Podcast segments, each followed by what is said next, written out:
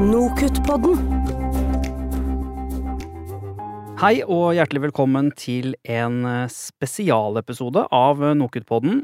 Dette er en episode som kommer utenom det vanlige skjemaet, men ettersom det ikke er så ofte at Nokutt eh, får ny direktør, så vil vi lage en episode der du og jeg skal bli litt bedre kjent med henne. For 1. september fikk Nokutt ny administrerende direktør, og det var deg det, Kristin Vinje. Velkommen til Nokutt-podden. Tusen takk skal du ha. Veldig hyggelig å være her. Ja, to måneder i jobben. Hvordan har det vært? Du, det har vært eh, først og fremst veldig positivt. Det har vært hyggelig, blitt godt mottatt, eh, truffet masse nye mennesker.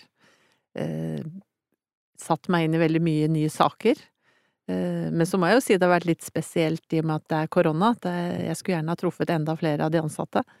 Så det savner jeg. Men eh, ellers så syns jeg det er kjempefint. Det er en eh, fin gjeng å lede, og det er en spennende organisasjon å være med å utvikle videre. Har det vært noen overraskelser som, som du ikke var klar over at hm, dette, kom, dette, kan dukke opp så i kraft av at jeg er NOKUT-direktør?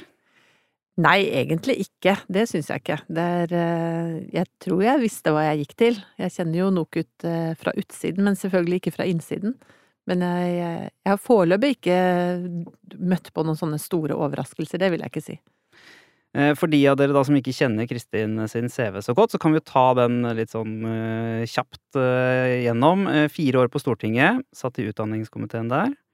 fire år som finansbyråd i Oslo. Tidligere direktør i forskningsinstituttet Simula. Forsker ved Sintef. Og en doktorgrad i kjemi, blant annet da. Det er en ganske imponerende liste. Ja, jeg har, eh, jeg har, gjort mye forskjellig. Jeg har, eh, har, eh, Det kan jo si det er en vinglete CV også, på en måte. Så det er mange måter å se det på. Men, men jeg har alltid gjort det som jeg har hatt lyst til. Og så har det dukket opp mange interessante utfordringer underveis. Og da har veien blitt litt til mens jeg har gått.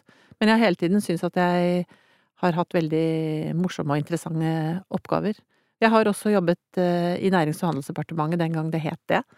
Den gangen eh, NOKUT ble født, faktisk, så det husker jeg også. Så nei, jeg syns det har vært eh, spennende. Det har alltid vært mye nytt å lære, og det har vært givende. Og så alltid litt utfordrende å kaste seg inn i litt nye oppgaver. Ja, for det, som du sa, det er en, kanskje, kanskje vinglete. Altså, det er jo, det er jo et, et bredt spekter her. Um, er det litt som du er som person? At du er nysgjerrig og, og, og, liker å teste og sjekke nye ting? Ja, jeg vil jo si det. Jeg vil jo ikke si jeg selv er vinglete, da. Det vil jeg ikke. Men, men jeg liker Jeg har mange interesser og, og syns det er spennende å gjøre mange ulike ting. Og så har jeg, har jeg valgt å, å ta de mulighetene jeg har fått. For eksempel da jeg fikk spørsmål om å bli finansbyråd, da ble jeg veldig overrasket.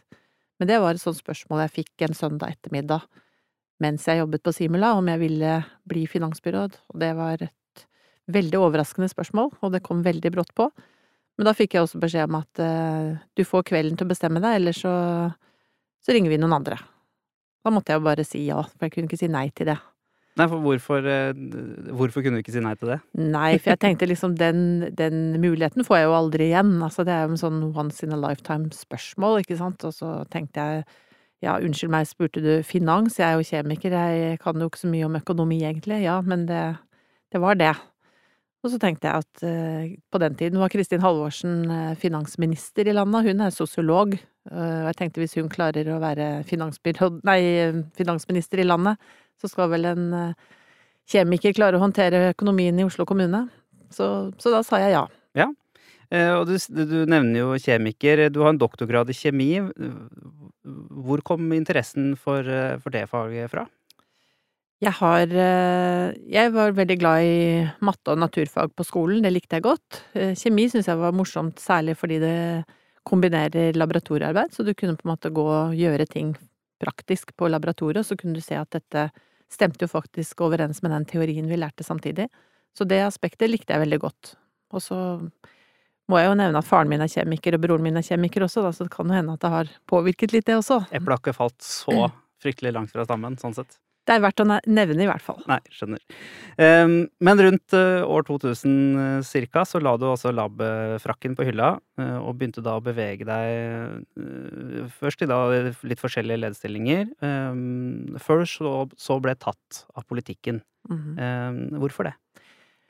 Jeg kan jo kanskje si det begynte da jeg jobbet på Sintef, eller da jeg byttet jobb fra Sintef og Labfrak til Næringsdepartementet så var det i utgangspunktet fordi jeg engasjerte meg veldig for eh, forskningspolitikken, egentlig. Hvorfor gikk pengene til Forskningsrådet, hvorfor gikk det ikke mer penger til forskning, eh, hvordan var det dette hang sammen? Og så dukket det opp en stilling i Næringsdepartementet som hadde ansvar for de næringsrettede forskningsmidlene til Forskningsrådet og veldig mange andre virkemidler som gikk til næringsrettet forskning, som jeg tenkte hm, er det der det foregår liksom eh, prioriteringer og så videre?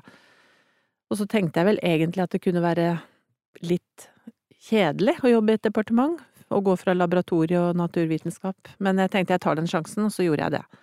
Og det var veldig lærerikt, da jobbet jeg jo i, i departementet med eh, utvikling av virkemidler, og kom tettere inn på det politiske systemet, eh, og jeg syntes jo det var eh, veldig spennende å følge med liksom hvordan eh, ministerne rapporterte til Stortinget, hvordan det arbeidet vi gjorde i departementet fikk påvirkning på utviklingen av politikken og virkemidlene. Så det trigget meg veldig, det, da. Og så har jeg jo en fortid fra Unge Høyre fra gymnastiden, så jeg var jo liksom alltid politisk interessert. Eh, så da jeg eh, var ferdig med å jobbe i Næringsdepartementet, så meldte jeg meg inn i Oslo Høyre. Eh, og det var da jeg begynte å bli interessert, og så ble jeg valgt inn i Oslo bystyre i 2007. Og så begynte ballen å rulle. Men nå er du ferdig i politikken. Du har vært innom både Universitetet i Oslo og Høgskolen Kristiania, hatt lederstillinger der, eh, før du da endte opp her eh, hos oss i, i NOKUT. Eh, hva var det med jobben i NOKUT som trigget deg? Det er jo først og fremst den muligheten til å være med og, og påvirke høyere utdanning, og da spesielt eh, bidra til å sikre kvalitet i høyere utdanning, og, og ha en stilling hvor du kan være med og peke på viktige utfordringer Eh, en stilling hvor du kan bli hørt eh, politisk. Vi har påvirkning, vi jobber tett inn mot departementene, vi har kontakt med sektoren gjennom høyskolene. Så jeg syns jo denne, eh, denne, stillingen gir mulighet til å både påvirke kvaliteten i institusjonene, være med å hjelpe dem til å utvikle god kvalitet, samtidig som vi kan bringe erfaringen inn og være en pådriver i utviklingen av politikken. For hvorfor, eh, etter ditt syn, da, hvorfor er NOKUTs samfunnsoppdrag eh, viktig i 2020? Det er kjempeviktig fordi vi har så tett kontakt med, med, sektoren, og vi har muligheten til å sette sammen erfaringer eh, vi får gjennom dialog med sektoren, til å analysere det og foredle de tingene og påvirke utviklingen av, av regler og lover og, og praksis om hvordan man eh, best mulig kan eh, utvikle sektoren sånn at vi får en eh, høyere kvalitet i utdanningen. Og det med kvalitet i utdanningen er kjempeviktig, fordi vi skal måle oss internasjonalt, så må vi også ha internasjonal kvalitet på utdanningen vår, så det, det er den beste investeringen vi kan gjøre, det å ha gode universiteter og høyskoler og bidra til å skolere mennesker og foredle kunnskap. Det er superviktig for et lands evne til å utvikle velferd og være konkurransedyktig. Mm. Hva var inntrykket ditt av eh, NOKUT da du satt på den andre siden av bordet? jeg har alltid hatt et veldig godt inntrykk av NOKUT, egentlig. Helt siden det ble etablert, hvor jeg liksom fulgte litt med fra sidelinja i departementet. Og gjennom de ulike jobbene mine så har jeg forholdt meg til NOKUT på utsiden i mer eller mindre grad. Eh, og jeg har alltid, på de ulike stedene jeg har vært, hatt inntrykk av at uh, NOKUT, uh, ja, de er strenge. Det er en slags uh, Ikke trussel, vil jeg si, men en slags pekefinger som ligger der, som gjør at man skjerper seg, og man vet at man skal bli sett i kortene. Men samtidig så har jeg også inntrykk i at inntrykk, Eller har jeg hatt, da, inntrykk av at de som har kontakt med NOKUT fra institusjonene, har god dialog, får veiledning, er tilsnakkelige osv., og, så og det vil jeg definitivt eh, bidra til at det skal fortsette å være.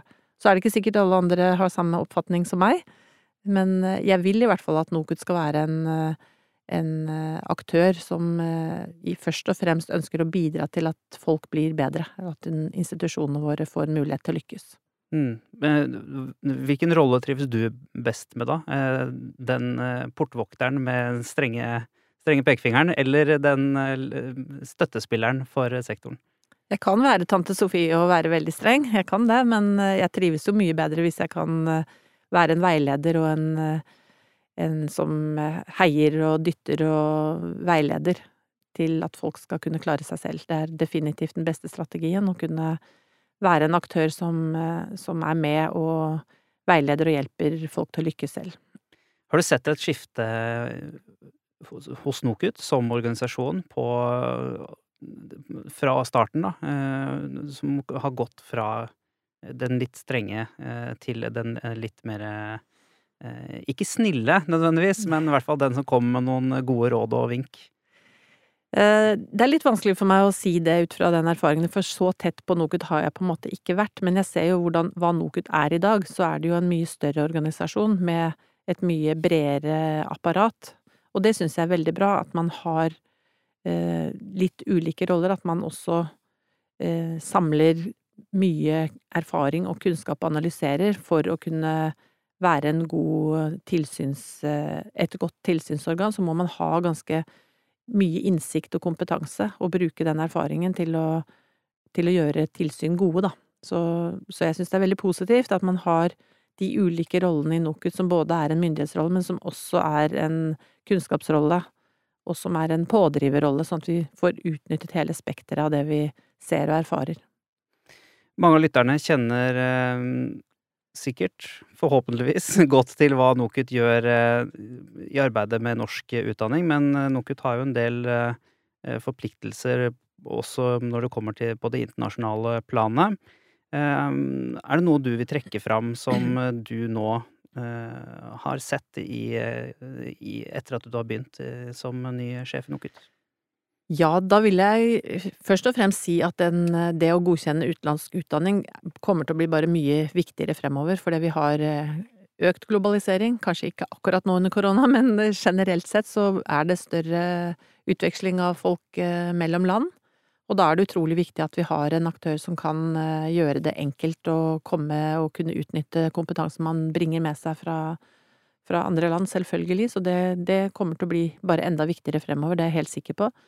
Men så kunne jeg kanskje tenke meg å trekke fram eh, det med kvalifikasjonspass, at man også på NOKUT har klart å eh, utvikle metoder som gjør at vi også kan eh, kvalifisere folk uten papirer, altså flyktninger for eksempel, som ikke har papirene sine med seg eller i orden, at man klarer å utvikle metoder som gjør at også de kan få utnyttet sin kompetanse i det norske samfunnet. Det er utrolig viktig, og der har NOKUT gjort en helt strålende jobb internasjonalt som blir lagt merke til i FN-systemet og i UNESCO, da, som er de som, som er med på dette internasjonale arbeidet. Og der, der er det Look to Norway and Look to NOKUT. Vi er eh, fremragende. Vi ble nominert til en pris nå nylig. Vi vant den riktignok ikke, men, men her legges det merke til hva NOKUT gjør, og det er jeg veldig stolt av. Og det er kanskje noe folk ikke er så godt kjent med, men det er utrolig viktig arbeid. Eh, og det, det skal vi fortsette å jobbe med for å hevde oss. Utdanning i Norge har jo eh, gått gjennom en stor eh, utvikling eh, de siste, de siste årene. Det er jo nesten så det er vanligere å ta høyere utdanning enn å ikke gjøre det. Um, hvis du da skulle tatt en titt i glasskula, eventuelt titta i stjernene, som noen også driver med, hvor ser du for deg at, at vi er om ti år?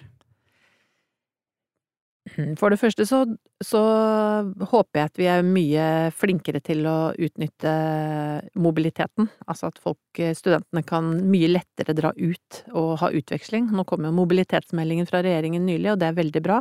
For det er sånn som det er i dag, så forventes det jo på én måte, men vi er ikke der at det er enkelt for studentene å gjøre, så det er veldig bra. og Der, der håper jeg vi skal bli mye flinkere, sånn at vi får mye lettere utveksling av studenter. Så håper jeg jo at vi også er mye, kommet mye lenger når det gjelder å, å gjøre det enklere å bytte fra en eh, skole eller et universitet til et annet. Det er jo sånn i dag at man skal kunne ta bacheloren et sted og fortsette med master et annet sted. Men i praksis så tror jeg mange møter eh, humper i veien på det arbeidet der, så der håper jeg også at vi er mye flinkere fremover, sånn at du får dytta studentene litt eh, mellom eh, stedene. Det tror jeg både institusjonene og studentene har godt av. Og så har jeg veldig stor eh, tro på fagskoler. Det å løfte fram fagskolene og vise hvilke muligheter det er for å utdanne seg gjennom fagskolesystemet, det må bli mye bedre kjent. Der er det mange skjulte skatter for unge mennesker, og også for så vidt etterutdanning og videreutdanning og livslang læring, men, men alt det som fagskolene har å by på, det må vi få mye bedre frem, og så må vi få gode overgangsordninger, sånn at man kan veksle mellom eh, de ulike utdanningsinstitusjonene. Hva blir NOKUTs rolle i det arbeidet, da? I de tingene du nå har trukket fram? NOKUTs rolle blir jo å bidra til at eh, lovene og reglene er tydelige, sånn at eh, det skal være lett å tolke det for institusjonene. Og, og fremme kunnskapen om mulighetene blir viktig. Eh, og peke på hindringer som ligger i veien. Det var det vi hadde for i dag, Kristin. Eh, takk for at du eh, tok deg en tur til Nokutpodden i denne spesialepisoden. Vi er tilbake om bare noen få uker med en ordinær episode for deg som underviser i norsk høyere utdanning. Eh, har du tips, så kan du sende de på eh, e-post til oss. Nokutpodden at nokut.no. Vi er veldig glade for tips. Det er jo, det er jo sånn at når, når, hele landet er stengt ned, så er det ikke så lett for vår lille redaksjon å plukke opp alle eh, signalene som skjer der ute. Så hvis det, du vet om et eller annet, så er det veldig hyggelig om du sender oss en e-post. Så får du der hjemme ha det fint så lenge. Nokutpodden